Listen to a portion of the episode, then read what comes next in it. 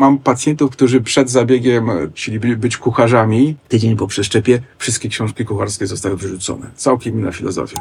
Czy pan pamięta swój pierwszy przeszczep? Tak, a wie pan dlaczego? No bo to pierwszy, Nie. nie? Bo go ciągle na Facebooku widzę. Tego gościa? Tak, a wie pan co to znaczy? Że żyje. Jeździ 100 km dziennie na rowerze. Pacjenci po zabiegach operacyjnych chcą też uprawiać seks, tylko że oni nie do końca się mają śmiałość zapytać, jak to należy robić, żeby to robić bezpiecznie. Bo co, przy orgazmie można dostać zawału serca? Nie, mostek. To jest kość, która musi się zrosnąć. Wtedy, jeżeli taki pacjent Nie. za szybko, za niebezpiecznie, no to wtedy jest ryzyko, że ten mostek e, może nam, że tak powiem, puścić. Z Nowickim po drodze. Zaprasza Łukasz Nowicki. Na to spotkanie czekałem od kilku miesięcy. Cierpliwie, z pokorą wiedziałem, że muszę znaleźć lukę w jednym z najbardziej napiętych grafików w tym kraju. Dopiero gdy zobaczyłem sylwetkę profesora zbliżającą się do kampera, zeszło ze mnie napięcie. Jest, jest. Jak o nim mówią pacjenci, cudotwórca, maestro skalpela, złote ręce profesor Mariusz Kuśmierczyk, wybitny transplantolog. Witam panie profesorze. Witam serdecznie. Pięknie. Po dwóch latach Trochę. się spotykamy. Trochę za mocno chyba, bo, bo się trochę speszyłem. Czyli do tego jeszcze skromny. Jeszcze skromny. Najgo, najgorsze połączenie. Wybitny i skromny. Nie, to trzeba nieskromnie. Ja znam takich aktorów wielkich, to, ach, którzy potrafią przyjmować komplementy. Lekarzowi nie wypada być y, nieskromnym. Dobrze, no to, to czyli skromnie. Ten stresujący moment dla transplantologa gdzieś wyczytałem. Ruszy, nie ruszy, ruszy, nie ruszy, ruszyło. My ruszamy. Y, Jest godzina 13.12. Już po operacji dzisiaj? Tak. Już jedną operację Co zrobiłem. to była za operacja dzisiaj? Y, Dzisiaj akurat był, y, operowałem tętniaka 7 centymetrów znalezionego przypadkowo. Pacjent się źle poczuł w, na, na naszych wspaniałych Mazurach. E, i Nie wiedział, że go ma? Nie, nie wiedział, że go ma i zgłosił się bardzo szybko do, do jednego z moich przyjaciół, bo jest to wskazanie do pilnej operacji ponad 7 centymetrów.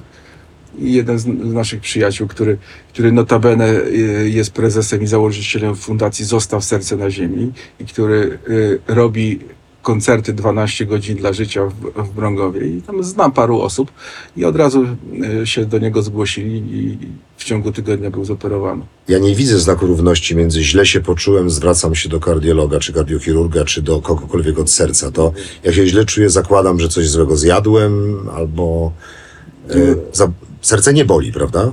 To zależy, jak serce nie boli, to jest problem. Jak ktoś jest chory i serce boli, to szuka pomocy, ale niestety część ludzi, część, część ludzi e, serce nie boli. W przypadku zmian w naczyniach wieńcowych, czyli tej, tej popularnej choroby wieńcowej, często trzeba tłumaczyć pacjentom, że są w tej gorszej sytuacji, bo pacjenci się bardzo dobrze czują, ale niestety badanie naczyń wieńcowych, czyli tomografia komputerowa albo koronarografia mówi co innego. To jest ta gorsza grupa pacjentów. Dlaczego? Bo jak boli, to szukamy pomocy. Jak nie boli, to pierwszym objawem może być nagłe zatrzymanie krążenia. Ale ja myślałem, że nie boli, bo tam nie ma unerwienia, że boli mięsień ewentualnie, jakiś W wokół. przypadku transplantacji tak. Okej. Bo, bo jak my przeszczepiamy serce, to niestety serce przeszczepione jest odnerwione. Całkowicie. Natomiast w przypadku normalnego pacjenta to powinno normalnie w przypadku choroby wieńcowej boleć. W przypadku niektórych wad zastawkowych też, też powinno boleć. Natomiast pacjenci czasami mają przypadkowo rozpoznaną wadę albo inne schorzenie serca, przychodzą i mówią, że no tak, ktoś im to rozpoznał, no ale ja się bardzo dobrze czuję i mnie nic nie jest. Moje zadanie wtedy jest im, opró- oprócz tego, że zaproponować operację, to wytłumaczyć im, że są w tej gorszej sytuacji niż pacjent, którego boli. Znaczy w ogóle chyba ból jest świetnie wymyślony przez e, stwórcę, bo gdyby nie bolało, były takie filmy. Jest taka choroba, prawda, że nic nie boli. Bardzo niebezpieczne, można przypalać skórę, ciąć, nic nie czujemy i wtedy nie ma reakcji obronnej organizmu, prawda? Nie ma reakcji. No tak, jest takie też powiedzenie, jak po, jak po 50 wstajesz rano i cię nic nie boli, to znaczy, że już nie żyjesz. W takim razie kończymy rozmowę, ponieważ jestem po 50 i nic mnie dzisiaj nie bolało. Ja słyszałem, że po Oczywiście 70. to- Ja słyszałem, że po oczywiście to żart. 70. Profesorze, To się wszystko zmienia. To prawda. W ogóle czas mam wrażenie, że jestem młoda, kiedyś dla mnie 50 był starcem, także perspektywa też się zmienia. Tak, Profesorze, najczęściej zadawane pytanie, ja obejrzałem sporo, sporo materiałów ym, z panem, i, ale to pytanie musi paść. Ile mniej więcej już pan serc przeszczepił? Liczycie to? O, nie. Ja nie liczę A swojego położne często liczą, ile dzieciaczków przyszło na świat za ich pośrednictwem. Nie. 100, 150, Mo- 200? Mówię, e, może powiem nieskromnie, ale, ale e, ja jako, który dużo operuje tego wszystkiego, czyli dużo operuje normalnych operacji i dużo przeszczepia, to nie, nie liczę tego. Ja liczę na przykład e, jakieś takie zabiegi operacyjne, które są bardzo rzadkie, jak na przykład przeszczep serca z wątrobą, który też ostatnio wykonaliśmy i to tym bardziej Ale wątroby pan nie przeszczepia. nie, wątroby nie przeszczepia. No teraz jest- jestem w takim miejscu, gdzie jest ba bardzo e, doświadczony zespół przeszczepia najwięcej wątrób na świecie. Nie w Polsce, nie w Europie, tylko na świecie. Na ten moment przeszczepił prawie 250, tyś- e, 250 wątrób e, w tym roku, czyli jest to absolutny rekord. Wydaje mi się, że jeżeli chodzi o Polskę, a nie wiem, czy, czy o nasz kontynent też. E, Natomiast ja nie liczę swoich operacji, po, ponieważ ja operuję tego dużo. Ja operuję dorosłych dzieci. Ale przeszczepy serca to już nie jest tak dużo, prawda? No, no, operuje pan tętniaki i tak dalej, ale przeszczep serca to chyba jest coś szczególnego, nie? To nie jest tak, że cała klinika, ca, cały oddział st- stoi e, wtedy na baczność, to jest wydarzenie. Wszystko stoi, Tak. wszystko stoi, wszystko jest trzymane z tego powodu, że jest to dar życia. To, tego nie ma na półce. I jeżeli jest zgłoszenie serca, to my tak kalkulujemy, nawet wstrzymujemy wszystkie operacje, żeby wszystko było gotowe, nawet jak się coś przesunie o, o kilka godzin, żeby można było to serce przeszczepić. Także tutaj absolutnie, absolutnie to jest numer jeden. Czyli nie wiem, ale ja wiem gdzieś jakieś materiały, pamiętam jak się spotykaliśmy dwa lata temu, mówiłem o 120 wtedy, więc pewnie tych serc jest e, Więcej, więcej, więcej, jest dużo więcej. E, Myślę, że teraz, odkąd tutaj jesteśmy, od, od, odkąd się przeniosłem dwa lata temu na Warszawski Uni- Uniwersytet e, Medyczny, to już jest, myślę, że ponad 20 albo i 30 więcej. Profesorze, przygotowałem sobie kilka takich pytań, bardzo świadomie naiwnych, ale próbuję, e, nie chciałbym tylko pana dzisiaj zamęczać rozmowami i pytaniami, które zazwyczaj pan słyszy, tylko chciałem też troszeczkę otrzeć się o filozofię na tyle, na ile potrafimy, bo filozofami nie jesteśmy. Nie jest pan, nie ma pan takiego Nie, drugiego absolutnie. kierunku. W ogóle ja chciałbym zrozumieć istotę serca. To w ogóle piękny organ y, i w literaturze, i w muzyce, o czym będę mówił. Ale czy te serca różnią się od siebie, na przykład kształtem, są podłużne, na przykład takie, że myśli pan sobie, o jakie ładne, takie formy, czy one są identyczne? No właśnie No, nie. Różne są, nie? Ja nie mówię oczywiście o wadach wrodzonych, ponieważ ja też operuję Jasne. dzieci z wadami wrodzonymi, ale takie normalne serca, czasami jest coś takiego w tym sercu, wow, czegoś takiego jeszcze nie widziałem. Ale w kształcie, czy w strukturze? Nie, bardziej? w strukturze. Na strukturze. przykład jest, jest jakaś wypustka, której, której nigdy żeśmy nie widzieli. O, jak, jakie fajne uszko lewego przedsionka. Jak sutek, tak? Takie coś takiego? No, no, no coś Mhm. takiego. O, czegoś takiego jeszcze nie, nie widzieliśmy. Fajne. No ale to jest chwila, moment. A potem to niestety trzeba, że tak powiem, wykonywać swoją pracę. Natomiast w większości natura to tak skonstruowała, że powinno być takie same. No, Jeżeli nie jest, a może być obtłuszczone serce? ja- jakby to powiedzieć, już po 50 roku życia tam tego tłuszczu jest sporo. Zmienia się kształt serca z naszym wiekiem. Na początku jest to taki podłużny o, e, t- trochę narząd, a potem niestety z wiekiem to staje się to tak troszeczkę jak, jak, jak, jak w kształcie buta i tego tłuszczu tam jest więcej. A poza tym, no, to też jest związane z naszą normalnym funkcjonowaniem, z naszym życiem. Czy zmienia się? Ale czy ono jest podobne do tego, które znamy z bajek? No, skąd? Nie jest takie piękne?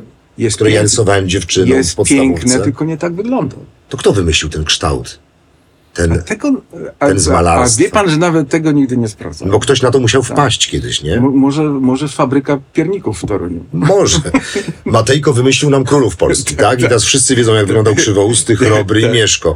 A to tylko wizja i wyobraźnia wielkiego Ale Jana sprawdzę, Matejki. bo to też jest Kto, wymyślił, kto wymyślił serce? Jan Lechoń e, mówił, że inteligencja bez serca i moralności wydaje się być większym chamstwem niż serce i honor bez intelektualnego polotu. Czy patrząc na serce, można wyczytać, jaki, jaki, jaki charakter ma jego. no Właśnie, mówi się nosiciel, czy właściciel, czy. Po... Raczej właściciel.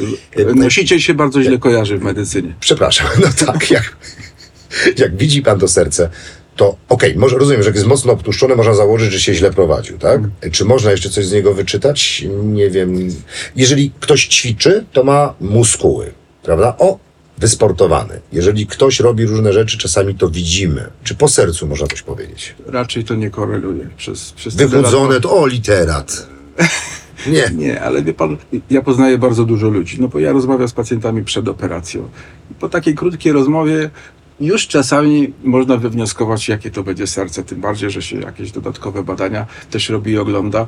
Patrzy się, jaki, jaki człowiek ma charakter. Także to, to jest, ważna jest, jest rozmowa. Natomiast serce to z jednej strony, tak jak my to traktujemy, my jako lekarze, ja jako Profesor kardiolog- pokazał na serce i uderzył w mikrofon. Mikrofon, przepraszam. Nic się nie przepraszam, stało. To Przepraszam. tylko prawda.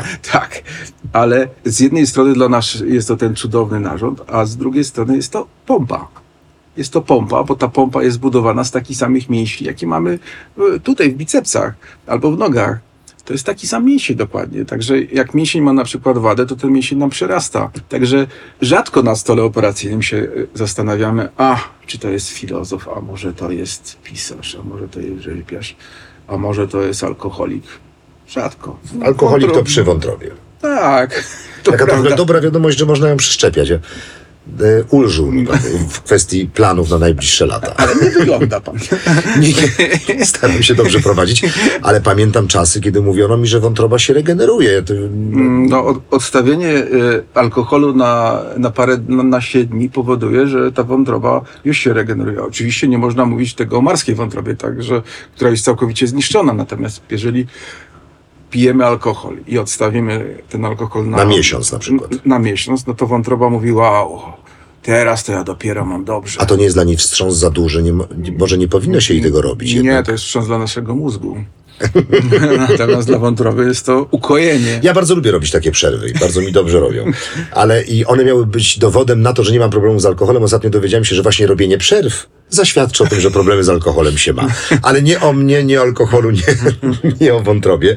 Jeszcze mam takie jedno pytanie z natury organoleptycznej. Czy serce pachnie? Nie. Nie, żadnego zapachu nie ma. Ale wnętrze ciała w ogóle człowieka pachnie, prawda? I chyba nie najlepiej. E, To wszystko zależy. O, o, oczywiście mówimy o klatce piersiowej, bo ja Na- no, jestem no, specjalistą tak, od tak, tak, klatki tak, tak, piersiowej. Brzuch to jest całkiem, em, całkiem inaczej. Natomiast jeżeli chodzi o serce, czasami jest, jest, jest taki dziwny zapach, jak pacjenci na przykład krwawią po zabiegach operacyjnych albo, albo pacjent ma cukrzycę, to, to wtedy to czuć. Natomiast tak normalnie to, to A jak pachnie cukrzyca? To jest y, rodzaj jakiś słod, to, słodki. jest- to, to jest taki to takie kwaśne, coś, Coś takie, co, coś takiego zgniłego. No. Takie kwa- kwaskowate, Co- potrafię sobie wyobrazić. Coś takiego. Zawsze to są pytania, na które odpowiedzi próbowałem wielokrotnie odpowiedź znaleźć. Takie niby banalne, ale, ale, ale to serce, stąd tak szczegółowo wypytuję, towarzyszy mi, nam wszystkim, no, w sentencjach, w myślach, ja już o tym mówiłem dzisiaj. Ono jest niezwykle, chyba naj, jest absolutnie najczęściej używanym organem e, w takim życiu codziennym. Zaraz zapytam o pękające serce. Człowieku, o człowieka bez No, serca, ale no, bez serca nie możemy żyć. no, no ale bez wątroby też. No też. A o wątrobie się nie mówi, tak? E, Dopóki się nie ma z nią problemów. O nerkach się właściwie też nie mówi. No jest parę organów niezbędnych do życia, e, a serce jest, no płuca. A serce jednak e, no, pełni tę funkcję w każdej, w każdej materii, w każdej sferze taką, taką nadrzędną, jest jakby na pierwszym miejscu, przynajmniej w moim e, poczuciu. Kolejne takie pytanie z natury nieco filozoficznej. Są tacy zwolennicy teorii science fiction, mówiący, że wraz z przeszczepem serca przeszczepia się też osobowość. Ale już częściowo profesor odpowiedział na to pytanie, mówiąc, że to jest mięsień. W związku z tym nie. Serce nie pamięta. Mm, Nie. Jeżeli o to chodzi, o tą filozofię, no to ja mam inne zdanie na ten temat. Niestety osobowość się zmienia. Może nie powinienem mówić tego jako lekarz, ale, ale ja poznaję tych pacjentów, poznaję tych pacjentów przed zabiegiem operacyjnym, przed, przed przeszczepieniem, ponieważ to, to są ludzie, którzy czasami długo czekają na ten przeszczep. To są ludzie, którzy mają podłączone jakieś urządzenia, żeby żyć i dotrwać do tego przeszczepu. I miałem kilka takich przypadków, że osobowość się całkiem zmieniła. Ja mam pacjentów, którzy, którzy przed zabiegiem, młodzi ludzie chcieli by- być kucharzami. Po prostu jak się wchodziło na, na salę, gdzie, gdzie oni przebywali na, na sztucznych komorach, to leżały książki kucharskie. Tydzień po przeszczepie wszystkie książki kucharskie zostały wyrzucone. Całkiem inna filozofia. Mam również pacjenta, który był biznesmenem po, po, po przeszczepie serca i to, do, i to dość znanym. Po przeszczepie serca sprzedał wszystko. Jest jednym z bardziej wziętych poetów w tym kraju i co jakiś czas jestem zapraszany na, na jakieś wieczorki literackie i moje przeświadczenie do tego jest, wie pan, no to z jednej strony to jest pompa, a z drugiej strony jednak, jednak coś we mnie takiego e, wzbudza, że jednak jak się przeszczepia serce, to jednak coś, coś się z tym pacjentem dzieje. O, oczywiście to nigdy nie jest najgorsze, bo jeszcze się nie zdarzyło, żeby przeszczepić serce od tego, który nadużywa, bo takie serca też, też czasami my przeszczepiamy, no bo no takie jest zapotrzebowanie, jeżeli jest młody człowiek na, sztu, na sztucznym wspomaganiu i bez tego nie funkcjonuje. Wiemy, że, że, że są powikłania tej maszyny i musimy jak najszybciej to serce znaleźć, to takie serca też przeszczepiamy, jak są dobre. I to są bardzo dobre serca. I, nie pamiętam, żeby ktoś po, e, po przeszczepie stał się, że tak powiem, pacjentem, który nadużywa alkoholu. Ale pewne sytuacje jednak wzbudzają we mnie zastanowienie, czasami nawet grozę.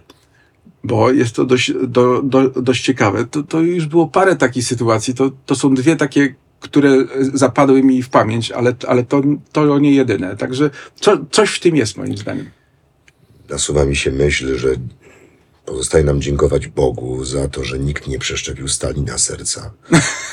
Lenina, Hitlera i nie przeszczepi No Putina, bo jeszcze parę tych złych serc y, bije wciąż na świecie. Ale to bardzo ciekawe, ale, Ale, ale to nie do końca. To, to jest, Znaczy, ja rozumiem, to jest- to jest- to jest na- to na- nie tak, że, że, że przeszczepiamy i ktoś bierze charakter całkowicie akurat tego, który... ale to może się wiązać z wibracjami, rytmem bicia tego serca. Stru... mm, Nie wiadomo. To jest jakaś ta Dlatego- wielka tajemnica dusz. Dlatego mówię, że czasami to we mnie wzbudza grozę. Okej. Panie profesorze, pytanie, które, wy, które poprosiła mnie, żeby zadał, e, żebym panu zadał e, moja żona. Mm. No Bo to jest tak, e, bo w ogóle my bardzo was lubiliśmy, my aktorzy. Nie wiem, czy pan wie, ponieważ zawsze, kiedy mieliśmy zajęcia w szkole teatralnej, mieliśmy świadomość, że mamy ich najwięcej ze wszystkich studentów w Krakowie. Zajęte soboty, y, od siódmej rano.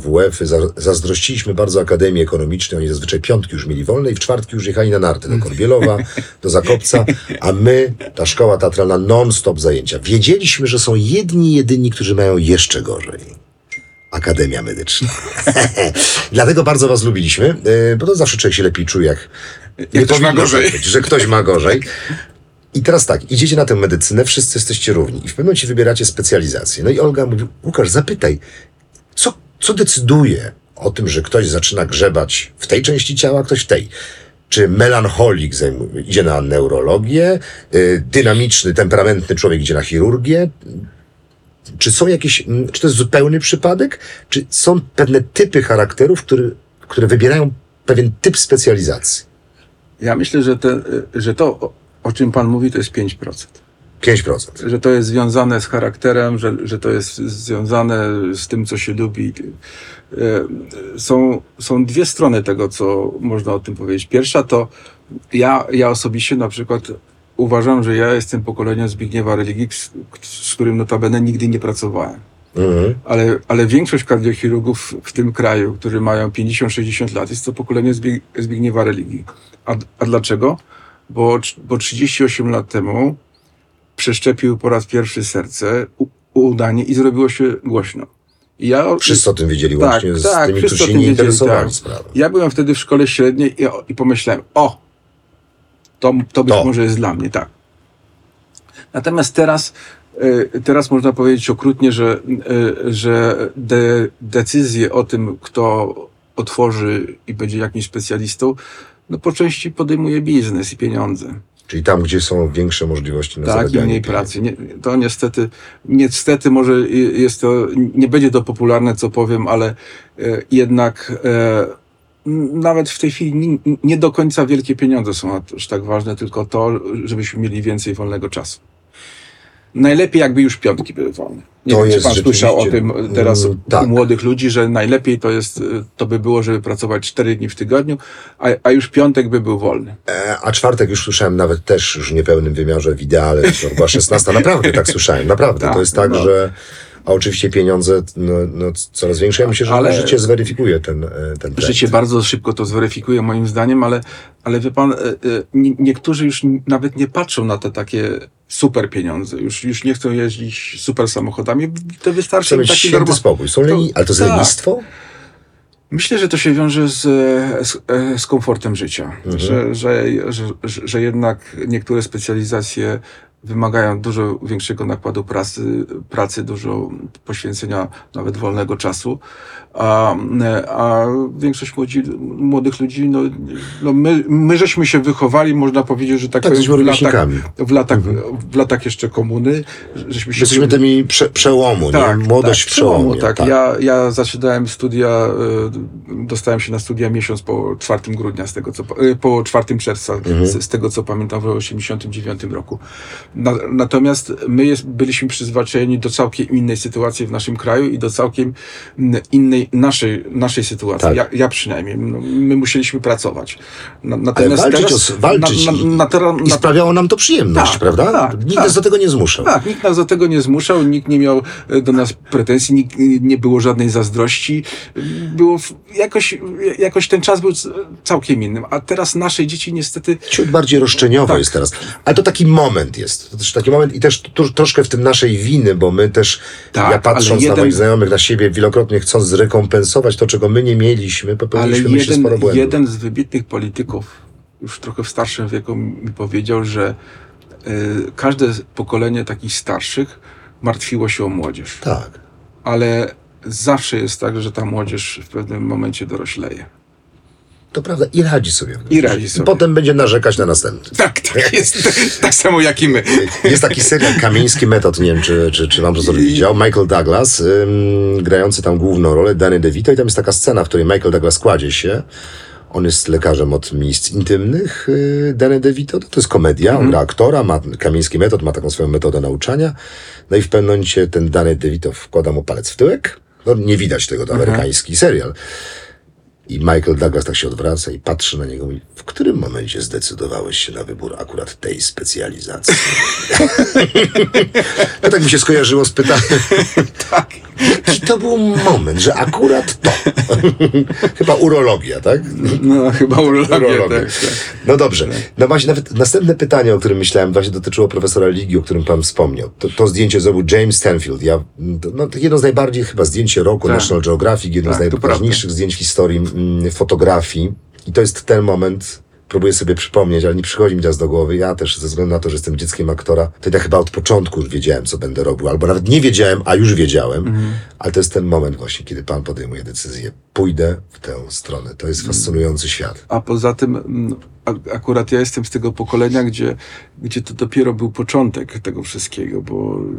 No to fajnie no, wtedy, bo, nie? No bo, no bo kardiochirurgia tak naprawdę w Polsce to się zaczęła rozwijać pod koniec lat 80., a tak naprawdę na początku lat 90. Mhm.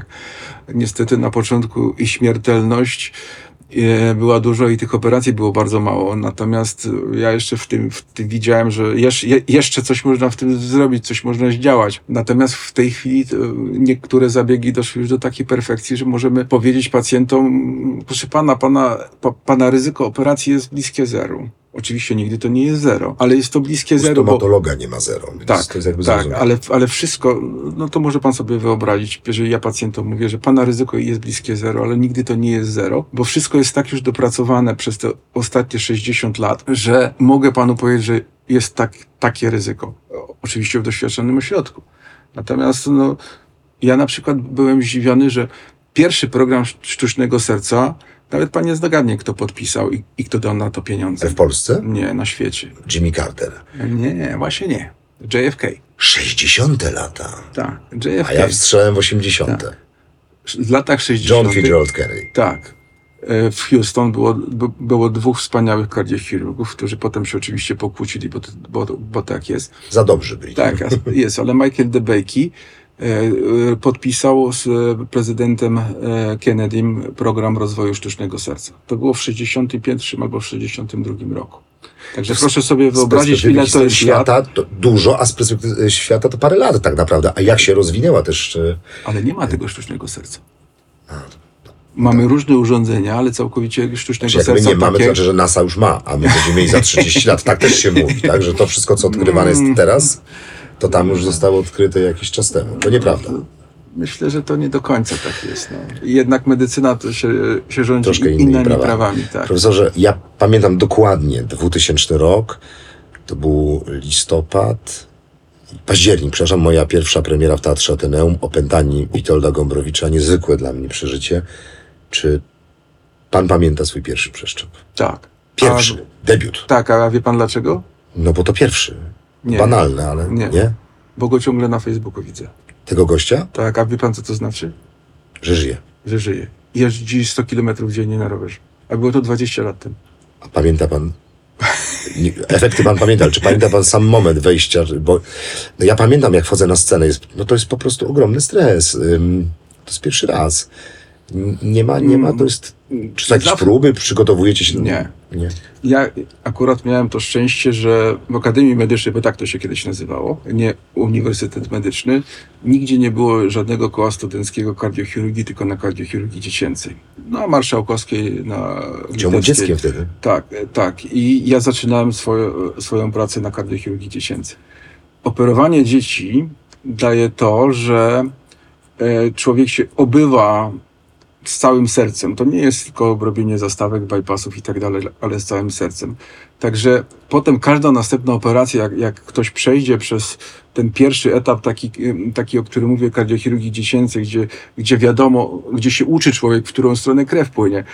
Kardiochirurdzy dorosłych nie zaczynają na kardiochirurgii dziecięcej. To, to jest troszeczkę inna Ale specjalizacja. wiedzą, w którą stronę płynie krew. Wiedzą, w którą Proszę stronę krew uspokoić, bo ja... tak, ale to są całkiem to- Mhm. inne operacje. Natomiast to, to dało mi, że, że ten, że, że wszystkie takie nowości, bo ja, ja ciągle robię jakieś nowe operacje, które tam gdzieś wyczytam w, w książce Mhm. albo gdzieś tam e, teraz nie ma problemu, bo, bo kiedyś to e, ja swojemu nauczycielowi trzymałem książkę nad stołem operacyjnym, żeby, żeby zrobił z książki. Teraz włączamy, tele, e, włączamy komputer, YouTube'a i, i, i większość tam jest. Także można zobaczyć te wszystkie kruczki, triki, jak się to robi. Oczywiście nigdy to nie jest to samo, no bo każdy ma swoją technikę, której nie widać na, na takim filmie, ale ale można to zrobić. Natomiast to, że, że można zrobić taką, taki zabieg operacyjny, to wynika z naszego doświadczenia. Czegoś, niestety, z Ale czego nie rozumieją. doświadczeniu, a ja mówię o tym pierwszym razie, kiedy doświadczenia nie ma. Albo ale, jest ale jest doświadczenie w innym. To nie jest tak, że ja zaczynałem od przeszczepu serca. Ja, ja wcześniej Ale robiłem... pierwszy przeszczep to dużo- pierwszy przeszczep. Pierwszy raz to serduszko jest wkładane, to musi Tak, ruszyć. To, tak, to prawda. I to Zawsze nie ma robię- stresu jakiegoś większego za O, o, zawsze jest stres. Czy to ruszy, czy nie ruszy, zawsze jest stres. Wie pan, jaka to jest radość, jak to zaczyna A czemu ma nie ruszyć? Bo co, bo coś się źle połączy? Coś nie... Nie. Problem jest taki, że, e, że po pierwsze my musimy to serce zatrzymać. Po drugie musimy te serce przetransportować. Po trzecie mamy tylko 4 godziny. Po czwarte Pomiędzy... pomiędzy wycięciem a wsz- wszczepieniem nie może upłynąć więcej niż 4 godziny. Dlaczego? Bo niestety komórki mięśniowe nam obumierają. Mamy specjalny płyn, który zatrzymuje nam mięśnie sercowe i zabezpiecza na 4 godziny. Czyli zabezpiecza tak, żeby przez 4 godziny te komórki mięśniowe były ży- żywe. Po jak przekroczymy te 4 godziny, niestety te komórki mięśniowe Serce umierają. do kosza wtedy, tak? No, pacjent raczej do kosza cały. O No, tak niestety. Teraz za chwilę powiem o czymś wspaniałym, ale jest tak, że, że my jesteśmy zm- zmuszeni czasami, jak mamy takich ciężkich swoich pacjentów, którzy wiemy, że jeżeli nie zaryzykujemy im y, wszczepienia serca, nawet granicznego, Czyli jest to- trochę tak, to- że w sytuacjach oni- granicznych się podejmuje ryzyko. podejmuje się ryzyko. Pod, Mhm. Podejmuje się, się ryzyko i, i, i te ryzyko jest związane, wie pan, czasami nawet z prokuratorem, gdzie niektórzy skarżą o to, że, że to ryzyko było, po, że ta decyzja była podjęta źle, ale, Pochopnie, tak? tak, ale niestety jest taka medy... tak, tak wygląda medycyna w naszym kraju, że kiedyś lekarz był, że tak powiem, wspaniałym człowiekiem, a teraz jest wspaniałym człowiekiem, jak jest wszystko dobrze, jak cokolwiek jest nie tak, to... to, to Zmartwiam to- prawie, no. panie profesorze, nie dotyczy to tylko lekarzy. Mhm.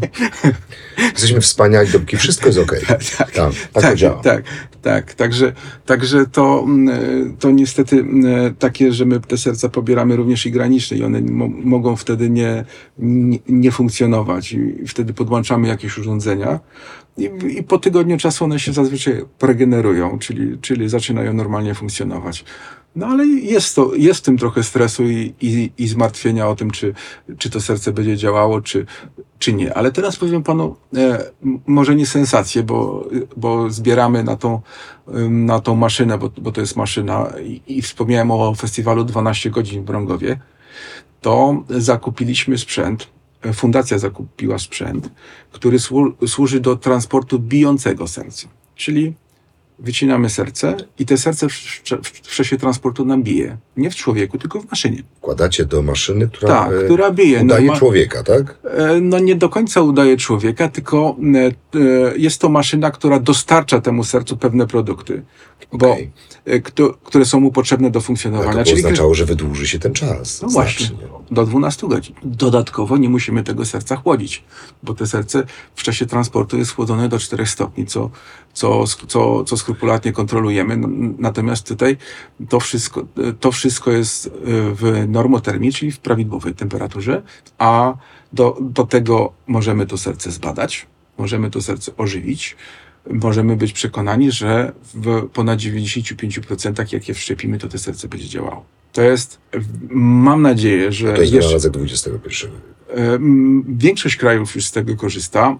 Proszę sobie wyobrazić, że w Wielkiej Brytanii ilość przeszczepów serca dzięki temu urządzeniu wzrosła o 80% w ciągu ostatnich pięciu lat. Czemu my jeszcze nie korzystamy? E, z, z powodów finansowych. Drogie, tak? Drogie, ponieważ e, same urządzenie nie jest drogie, bo w przypadku medycyny milion złotych to nie jest dużo. Natomiast e, jeden ten taki set, jeden ten e, taki, e, takie worki płynowe dla jednego takiego serca to jest 50 tysięcy euro. Czyli to jest 250 tysięcy złotych, czyli to- to, jest mniej więcej dokładnie tyle, ile w tej chwili zwraca Narodowy Fundusz za jeden miesiąc za przeszczep i jeden miesiąc opieki po przeszczepie. Ale powiem panu, że jeżeli program pil- pilotażowy na Warszawskim Uniwersytecie Medycznym się powiedzie, a fundacja zakupiła tych setów dla 600, to mamy szansę, że Ministerstwo Zdrowia będzie to finansowało dla, dla całej Polski. Bo z drugiej strony, co to jest 250 tysięcy złotych w porównaniu, gdzie zmniejszamy ryzyko w przypadku pilnego pacjenta z 25% do 5%. Mówimy o ryzyku śmierci Ale przede wszystkim przeszczepu. cierpimy cały czas na niedobór dawców organów. A. Mnóstwo pewnie tych serc jest, użyję niezwykle obrzydliwego kolokwializmu, traci ważność po tych czterech godzinach, a tutaj wydłużamy trzykrotnie, więc to jest Tak, to jest raz. A, nieprawdopodobny a skok. tego, co, to co powiedziałem, że w Wielkiej Brytanii wzrosła ilość transplantacji O 80%. A wie pan, z czego to wynika?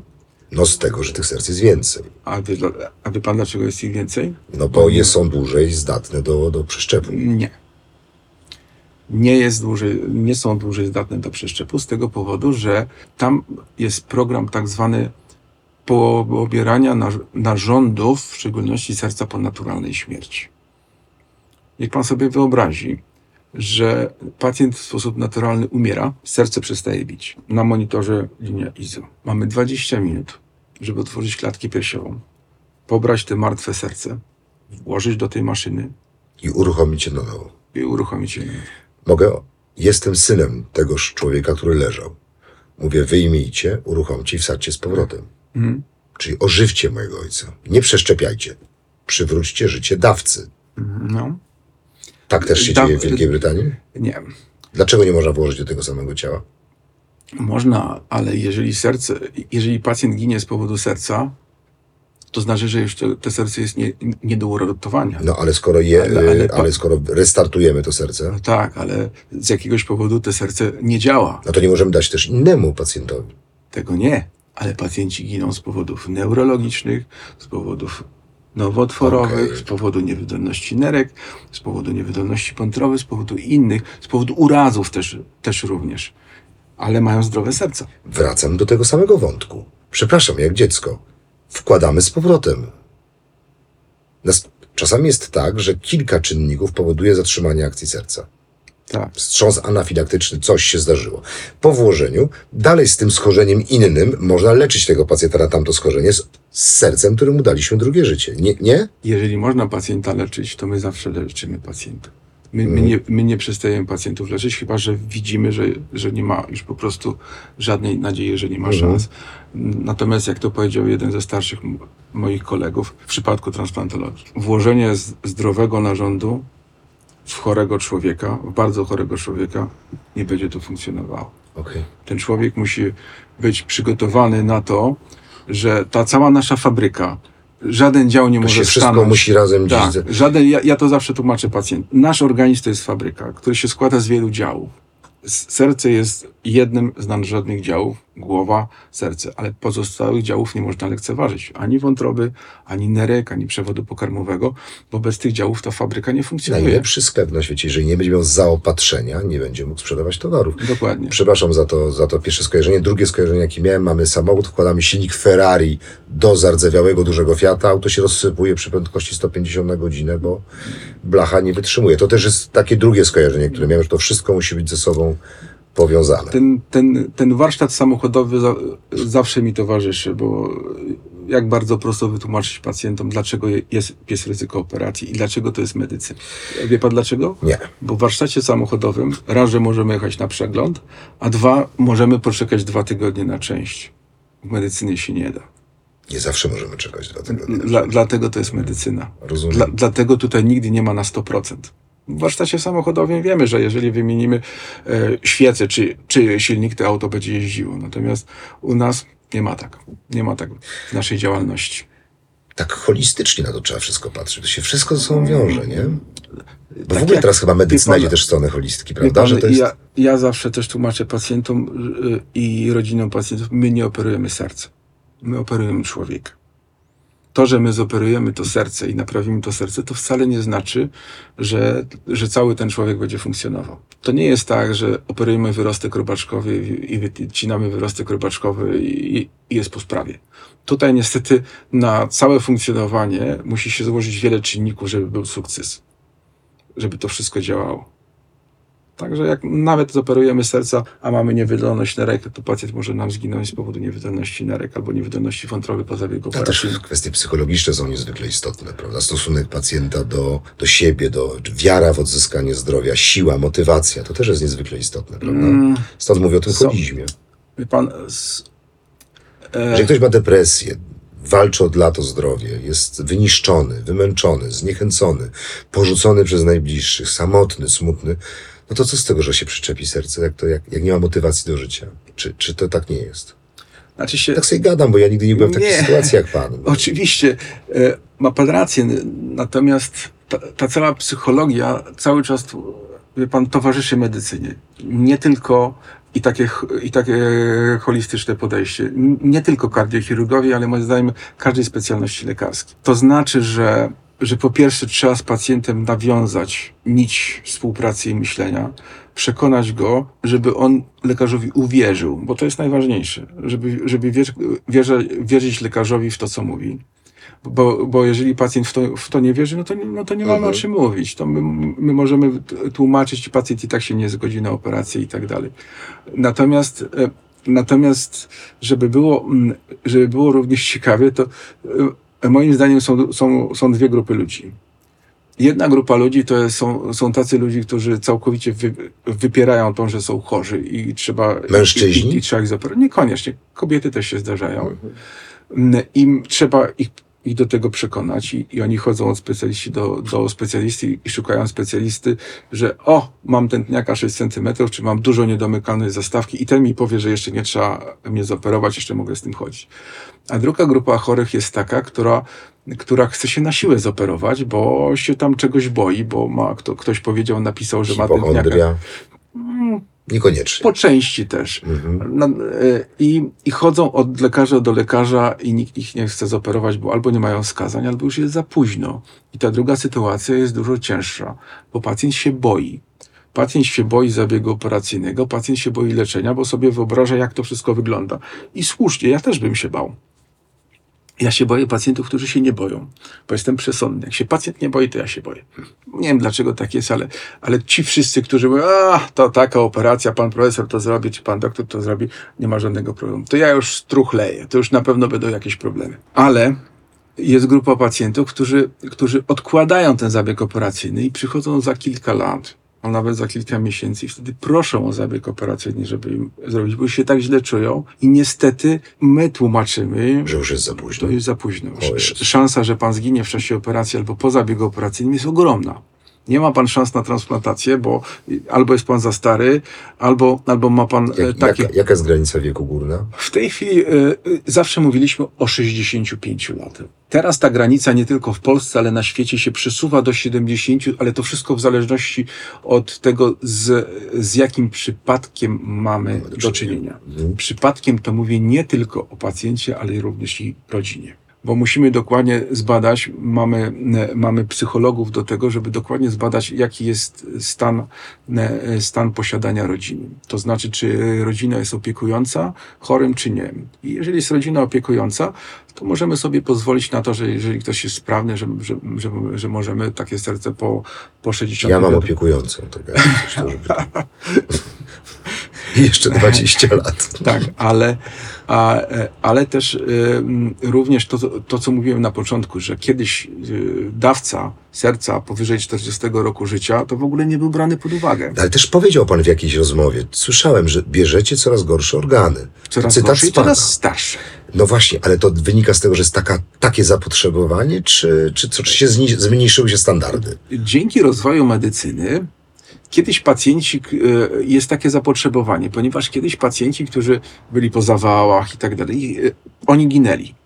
Ale po zawale nie bierzecie przecież serca. Nie, nie, nie, ale ja mówię o tych biorcach, tych, Mhm. tych, tych którzy Tak. potrzebują. Natomiast rozwój kardiologii interwencyjnej, gdzie jak pana zaboli, to za pół godziny będzie miał pozakładane stenty w sercu, będzie wszystko ok, ale niektóre stenty są na przykład zakładane za późno u pacjentów po 60 roku życia. I takich pacjentów jest coraz więcej, że oni przeżywają, ale mają ciężką niewydolność serca. No i co my teraz robimy? Mamy, mamy od, od, od jakiegoś czasu program old to old, czyli od starego do starego. Czyli jeżeli mamy dawcę 60, nawet 65 lat, mamy wecho serca, że serce się bardzo dobrze kurczy, nie ma wad zastawkowych, a nawet jak są, to są małe i można je Old to old. W danym szpitalu można wykonać badanie naczyń wieńcowych, a tomografia komputerowa i, i pracownia hemodynamiczna, gdzie można kon, wy, wykonać koronarografię jest już praktycznie w każdym szpitalu w Polsce u nas. To, to jeżeli jest wszystko ok, to my takie serca pobieramy. Super. I, i te serce, i te serce, że tak Mega powiem, to też uczciwie brzmi. to prawda, natomiast komfort życia jest Nieporównywalnie. nieporównywalny. Panie profesorze. z fotelowego do normalnego funkcjonowania. Panie, a fotel jest fajny. E, Panie profesor, Nie ja długo. lubię. Nie E, nie za nie długo, na to prawda. Panie profesorze, znowu takie pytanie z, z natury dziecięcej, ale mm, zawsze sobie wyobrażałem was. Ym, może przesadzam, ale wydawało mi się, że te przeszczepy to trwają długo. Może znowu to zdjęcie religii, że to taki długi proces i tak dalej. Czy wy macie jakiś to był prze... chyba trzeci przeszczep już tego Trzeci. dnia. Ta, ta, ta, James Stan, tak, to, to tak, nie jest tak. zdjęcie z pierwszego, tak, to też prawda. Nawet nie wiem, czy to nie było w ogóle zrobione miesiąc później, czy jakoś tak. W każdym razie, ym, czy wy macie przerwy? Słyszałem takie, nie wiem, czy to jest prawda, że jak jest palący kardiochirurg, to tak, bo tam jest kotarka, że tak, że tak wystawia buźkę i pielęgniarka za kotarką daje papieroska do buzi, żeby ten papierosek nie był w środku, tylko na zewnątrz. A poza tym toaleta, no coś zjeść, Na chińską szczęście coraz zupkę. mniej jest palących kardiochirurgów. Na szczęście coraz mniej jest palących Ale przerwy macie. kraju. Ile trwa taki przeszczep? Przeszczep? Jeżeli nic się nie dzieje, to samo wszczepienie serca to jest około 40 minut.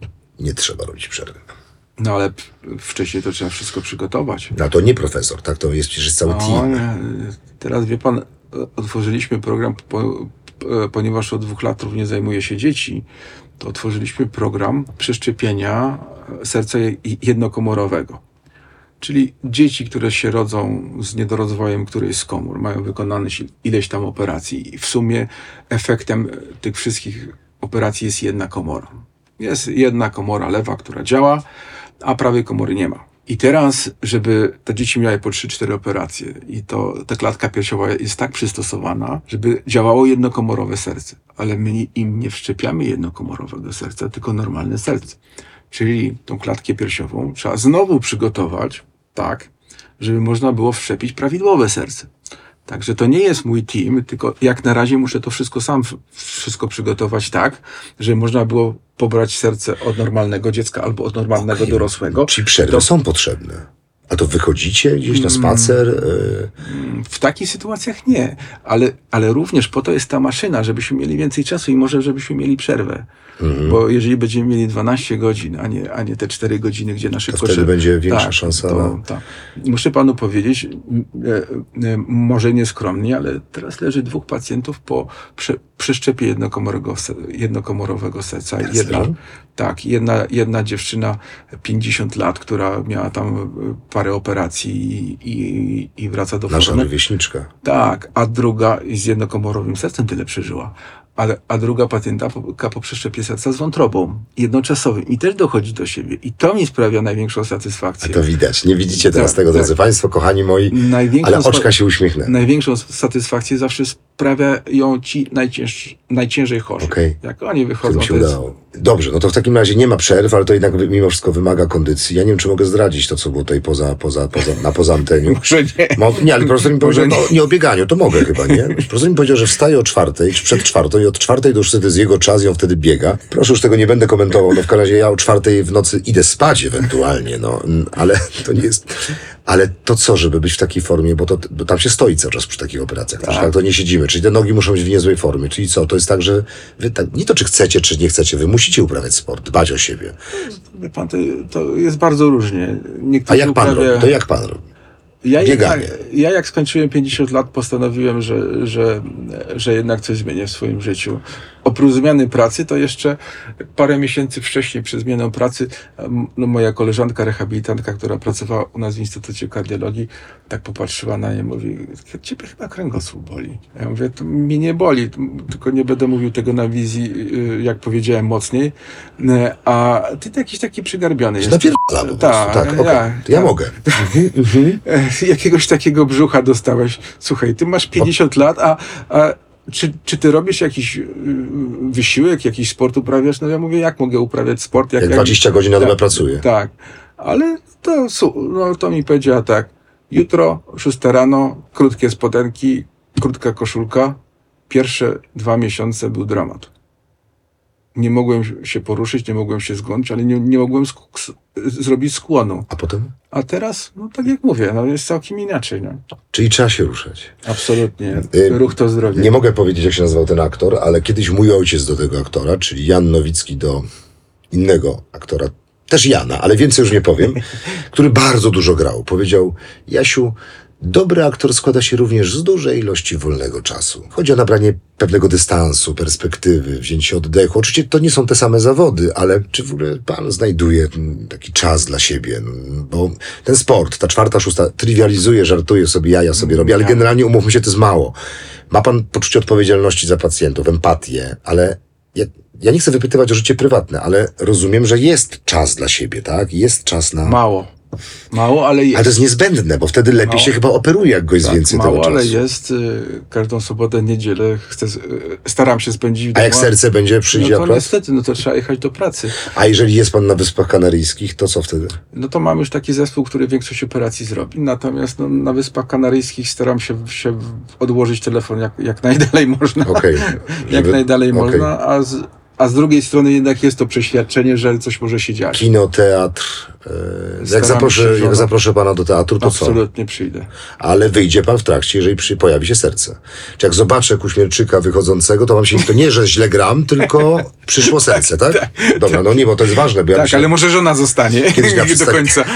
Kiedyś na Małej Syrence, gdzie gram Posejdona Króla Mórz, moja córka wyszła. W trakcie mojego monologu, najważniejszego. Ja, ja widzę, że moja pięcioletnia Józefina wychodzi. I pan mnie to speszyło. Ja tam, córecz, będę cię zawsze chronił, jakiekolwiek. I widzę, że wychodzi. Przerwałem w tej koronie, w tym wszystkim. Pff, strzelają pioruny, siusiu jej się zachciało.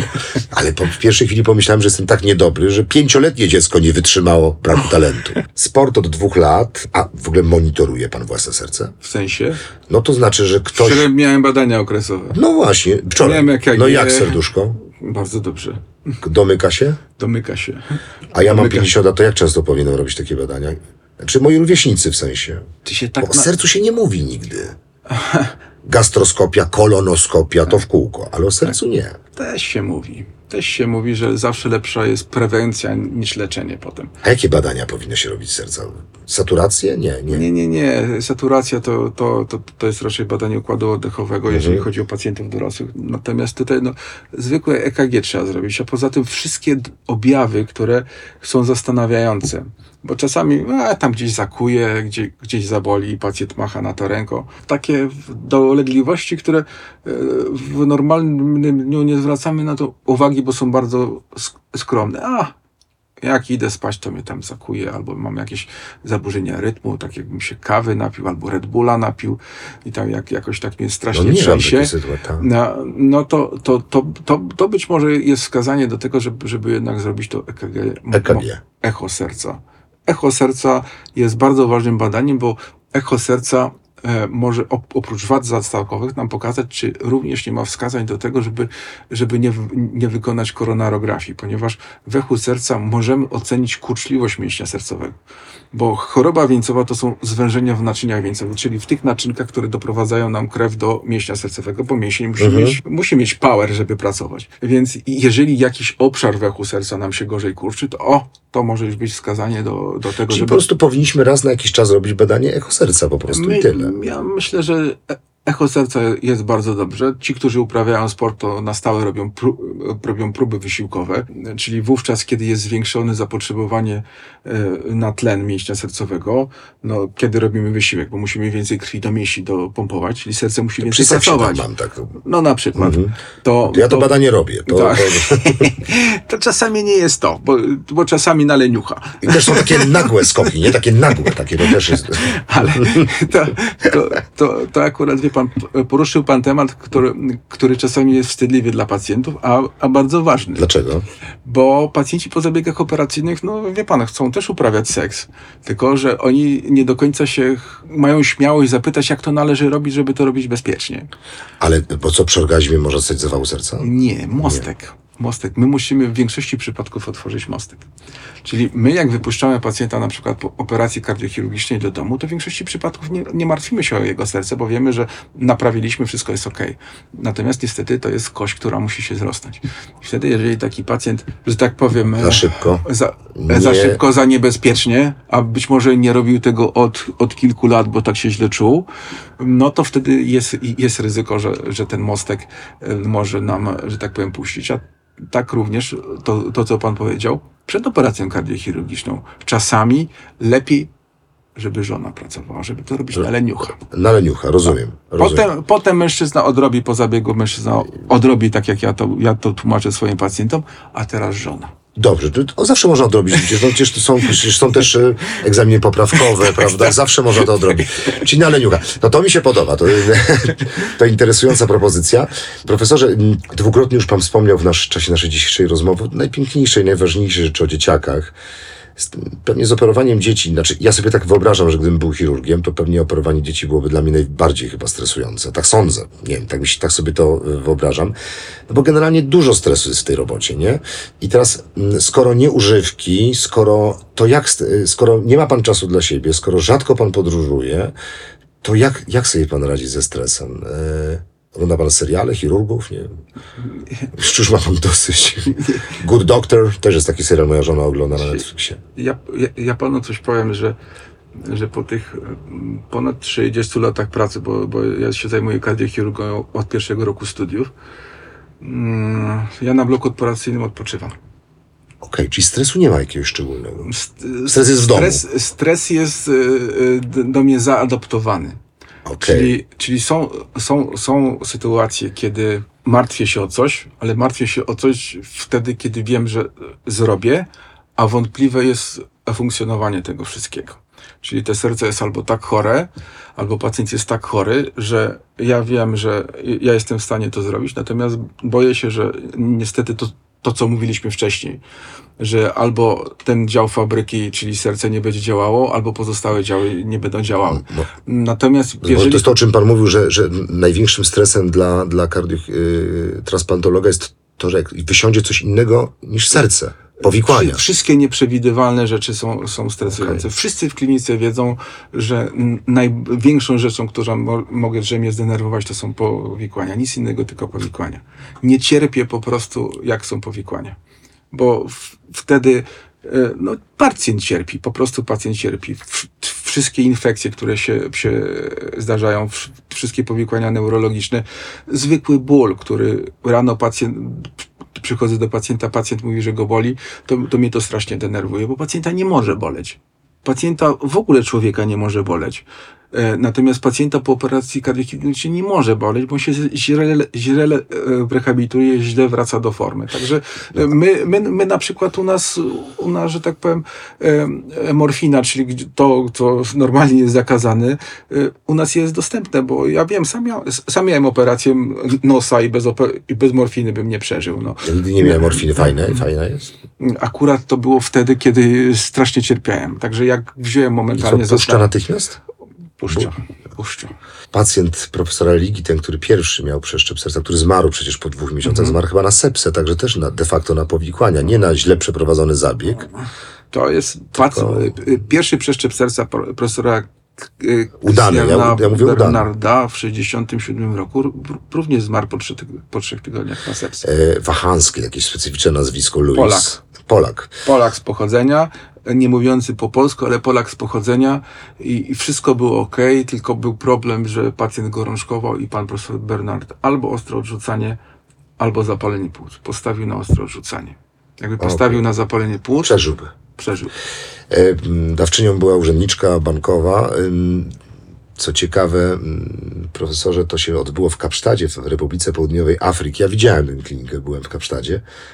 Pan wie, dlaczego to się odbyło w RPA? A wie pan, że ja, że ja tam byłem? Ja też tam byłem, ale nie byłem w środku, ja byłem na Ja byłem zewnątrz. tam w 67 roku. Jak w 67? Przecież pan w A wie 67 pan nie był na świecie. No więc właśnie. Okazało się, że chirurg, który był przy tej operacji, jako druga asysta, szkolił mojego nauczyciela. Czyli de facto to jest mój dziadek. Okej. Także de facto to ja tam wtedy byłem. A, To dlaczego taki zabieg nie odbył się w Londynie, w Paryżu, w Nowym Jorku, tylko w RPA? Proste. Bo można to było tam zrobić bez żadnego problemu. I trafił się facet, który był bezwzględny, sprytny, dobrym chirurgiem, bo było ich dwóch.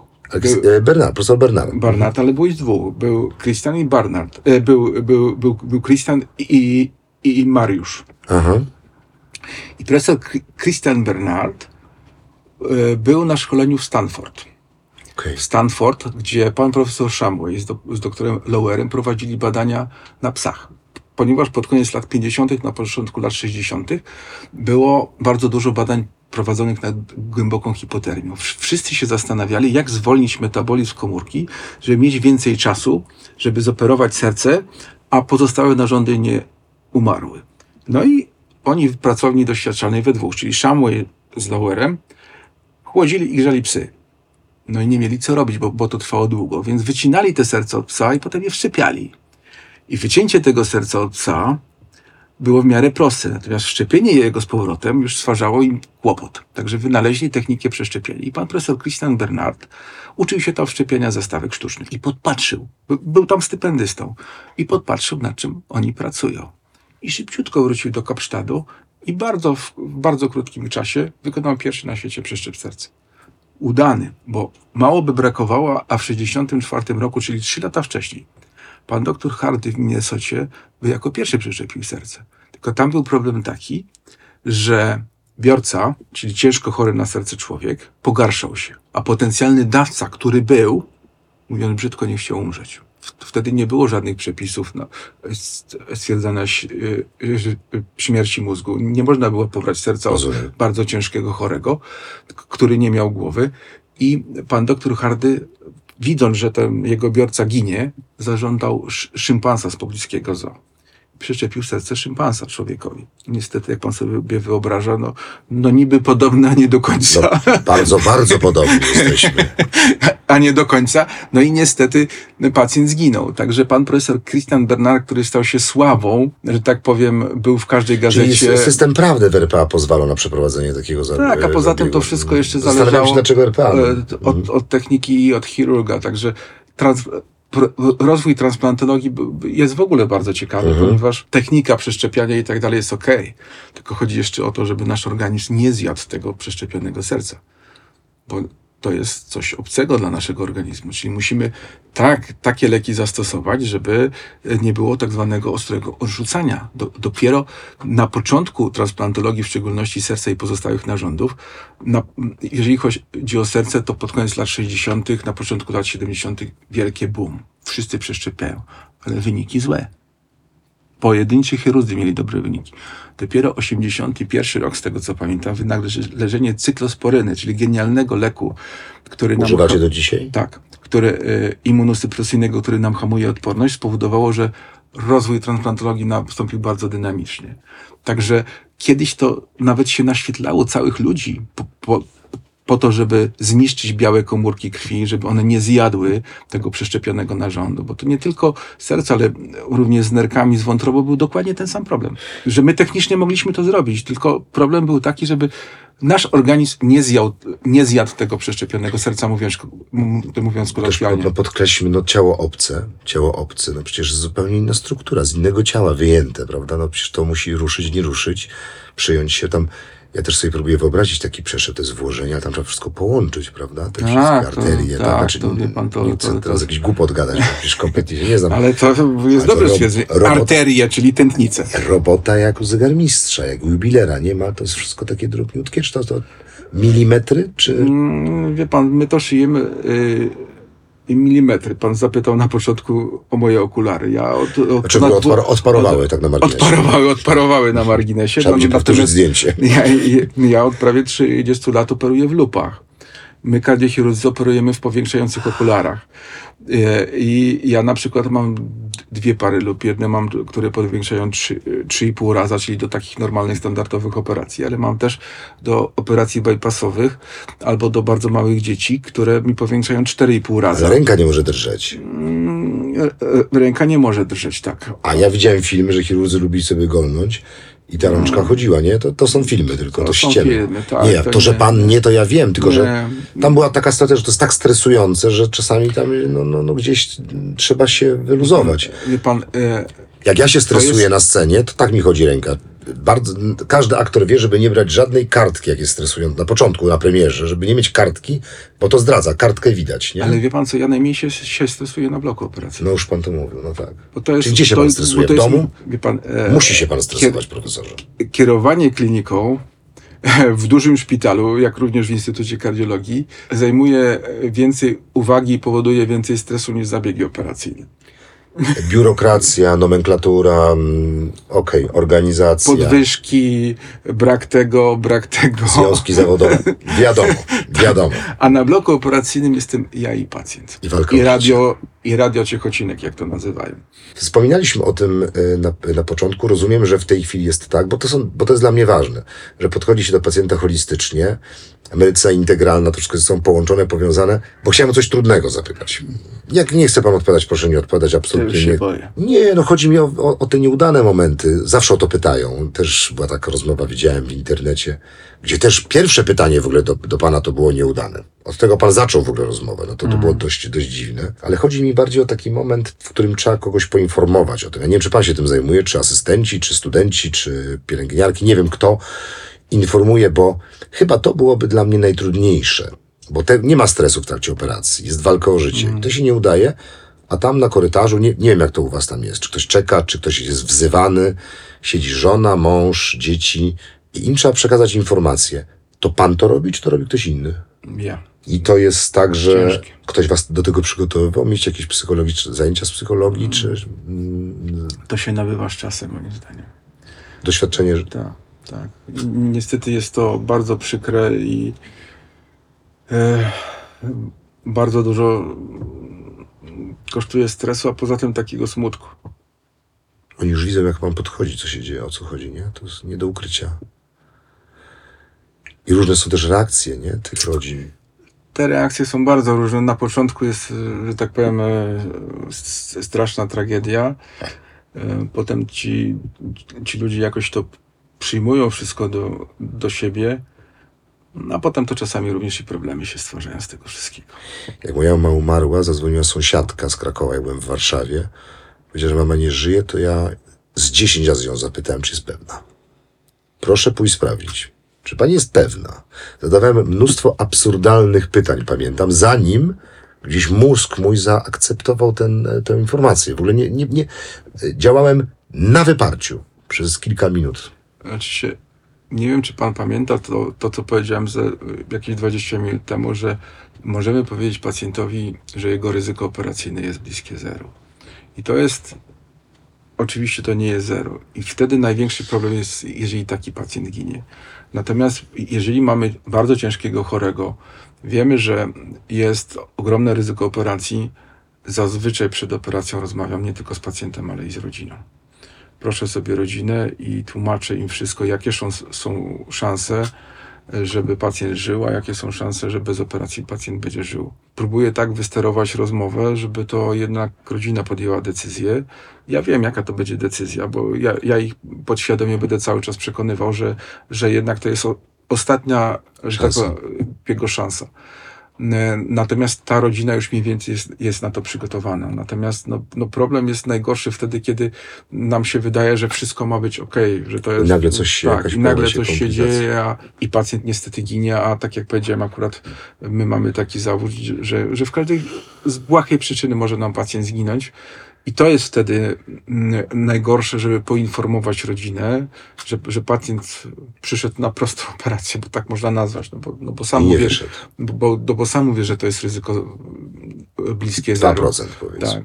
Tak, tak, a, a, a pacjent ginie i to jest najgorsze. Natomiast to są najgorsze momenty w, w życiu tej lekarza. Pan też, no, też, też chce, żebyście wiedzieli, kochani, że profesor y, słynie też z tego, że podejmuje się czasami operacji, której nie chce podjąć się nikt inny, więc wtedy to ryzyko jest jeszcze większe. Kiedy słyszy pacjent, dla pana już nie ma ratunku, wtedy pojawia się profesor Kuśmierczyk i okazuje się, że ratunek jest. To, to, to też jest niebywała w ogóle historia, że może się okazać, że ktoś żyje, ktoś mu powiedział, że nie będzie żył. Nie wiem, to pan chyba operował, yy, to była, nie wiem, czy się mówi świadczy, świadkowa Jehowy, nie, w każdym razie tam, gdzie się nie przetacza krwi, to są świadkowie Jehowy. Ja nie zdawałem sobie sprawy z tego, że można w ogóle przeszczepić serce bez przetaczania krwi.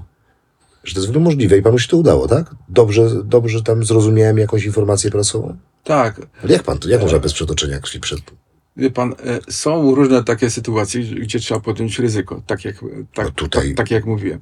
Ja, no jeżeli chodzi o, o kardiochirurgię, to raczej się tego ryzyka nie boję. I można takiego pacjenta przygotować, żeby to ryzyko krwawienia było jak, jak najmniejsze.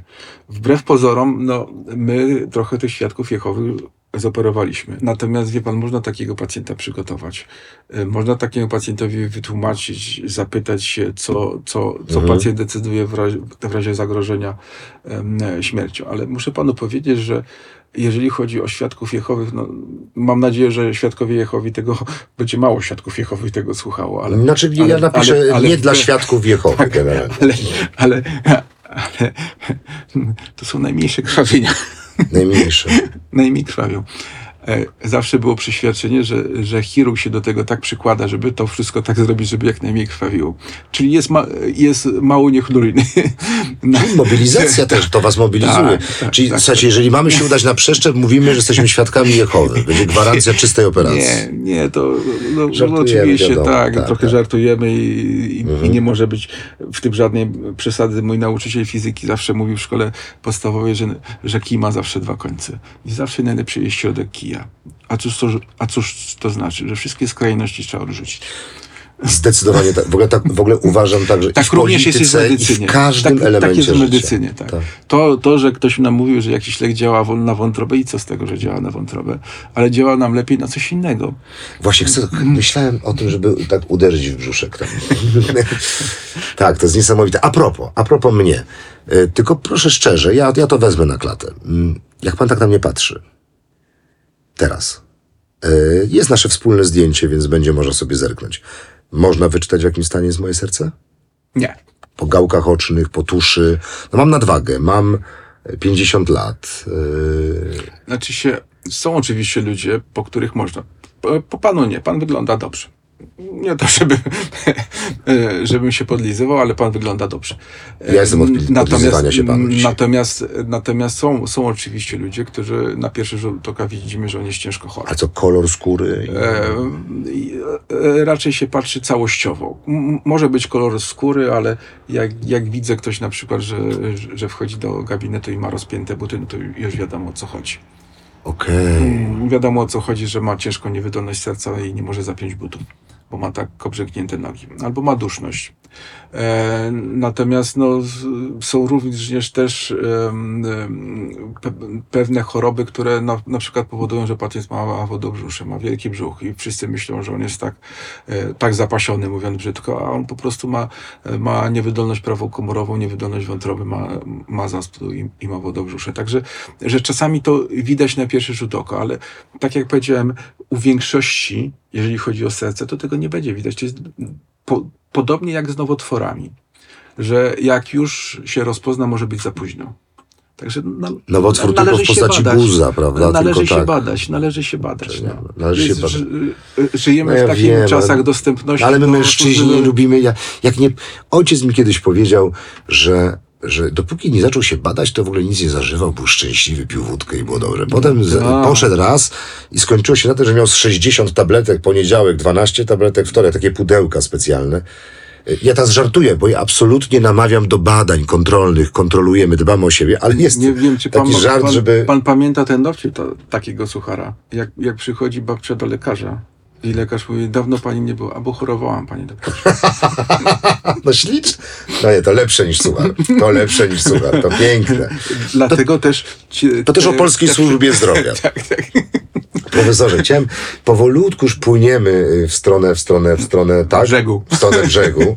Chciałem jeszcze na chwilę wrócić do, do, do, do, do, do filozofii bardziej, do literatury, bo, bo liznęliśmy tego tematu na początku. Nie wiem, czy mi się uda tutaj, bo to nie jest pańska, pańska robota. Pan jest mm, pracownikiem fizycznym.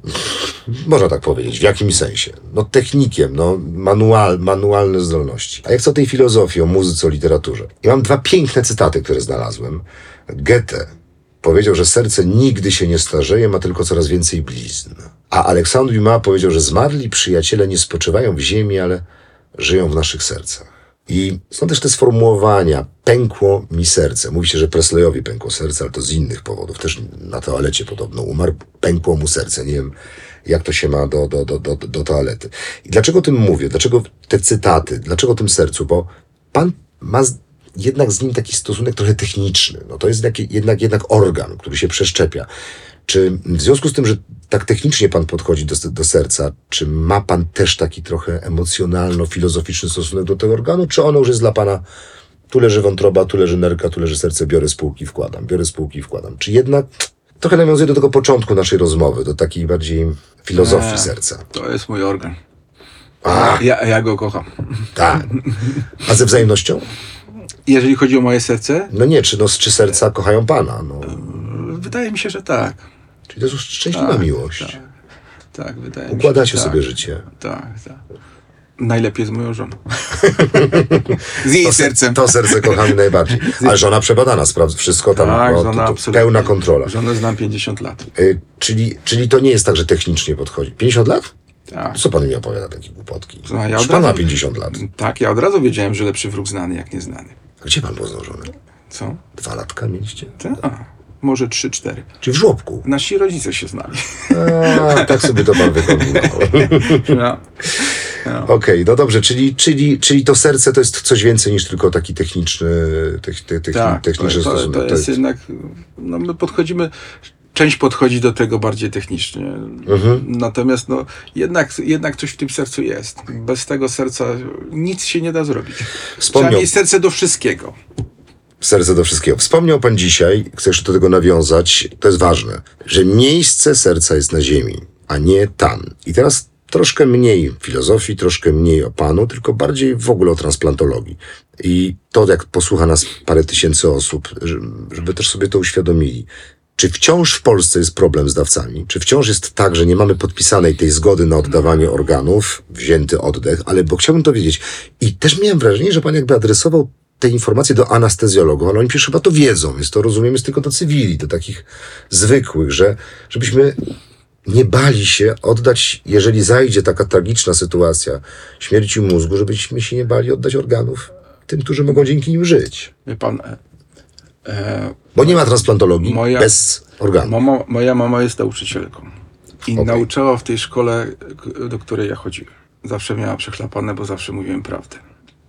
zawsze miała problemy z, z tym, że, że inni nauczyciele na mnie skarżyli, że sprawiłem przykrość tej osobie, tej, tej osobie, tej, ale to z powodu że tego, że mówiłem prawdę. I niestety tutaj od wielu, wielu lat też mówię prawdę. Ni- ni- niestety brak, e, brak organów również leży po stronie lekarzy. To znaczy, Mo- że Może mi pan to wytłumaczy, ja tego nie rozumiem. Przecież to jest ja od oczywiste. dwóch lat przeszczepiam serca u dzieci. Niech pan sobie wyobrazi, że do piątego roku życia e, w Polsce do tej pory były dwa przeszczepy serca rocznie. Dwójka dzieci były przeszczepione z powodu braku narządów. Teraz szukamy narządów na zewnątrz Polski, w naszych ościennych krajach, po to, żeby te dzieci ratować. W obliczu śmierci dziecka, w obliczu śmierci dziecka, e, lekarze mają czasami przeświadczenie, że każda następna rozmowa, żeby oddać te narządy tego zmarłego dziecka innym dzieciom, jest dla rodziny zabójcza.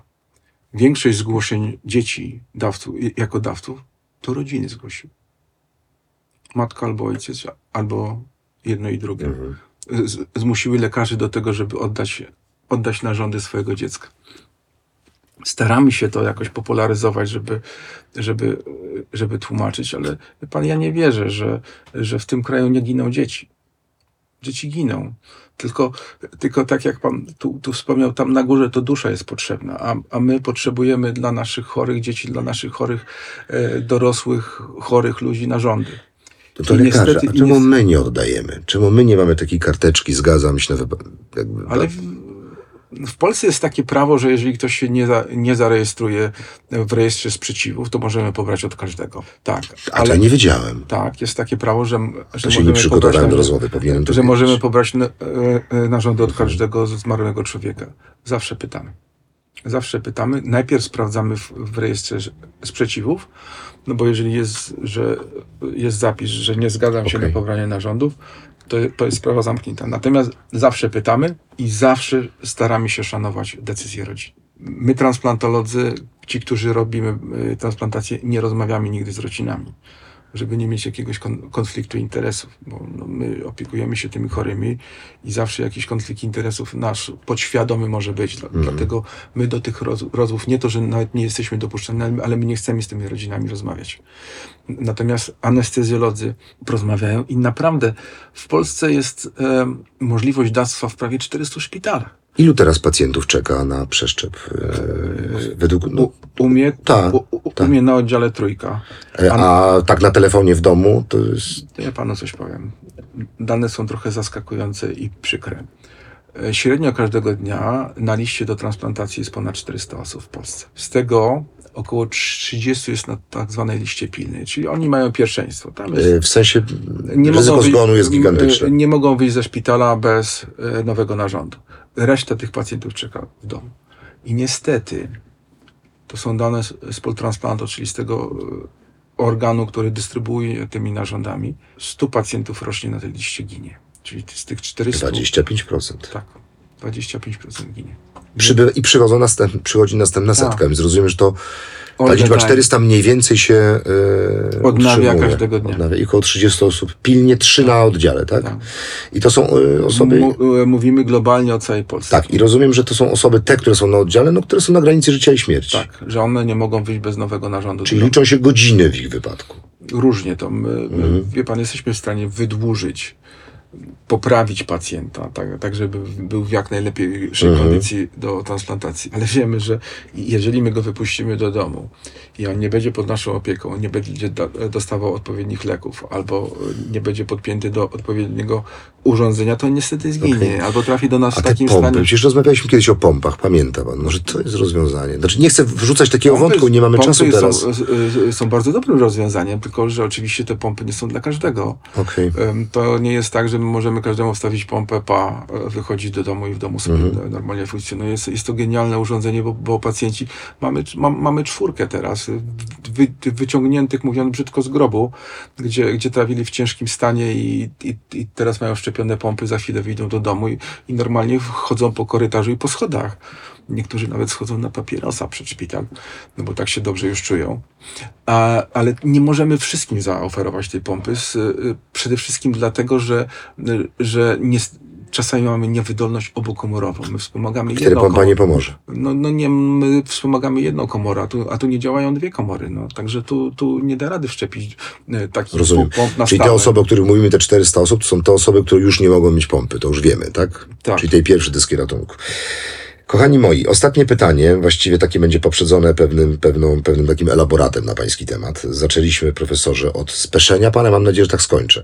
Jeśli ktoś będzie chciał podążać się śladami y, naszego maestro, y, no to nie Filharmonia, tylko oczywiście, i też nie Instagram, słuchajcie, tam jest jeden post, nie uwierzycie, na nartach, czyli mamy narciarza i jest jedno zdjęcie, jedno zdjęcie na nartach, czyli rozumiem, że narty, góry, tak, to jest pański, pański profil.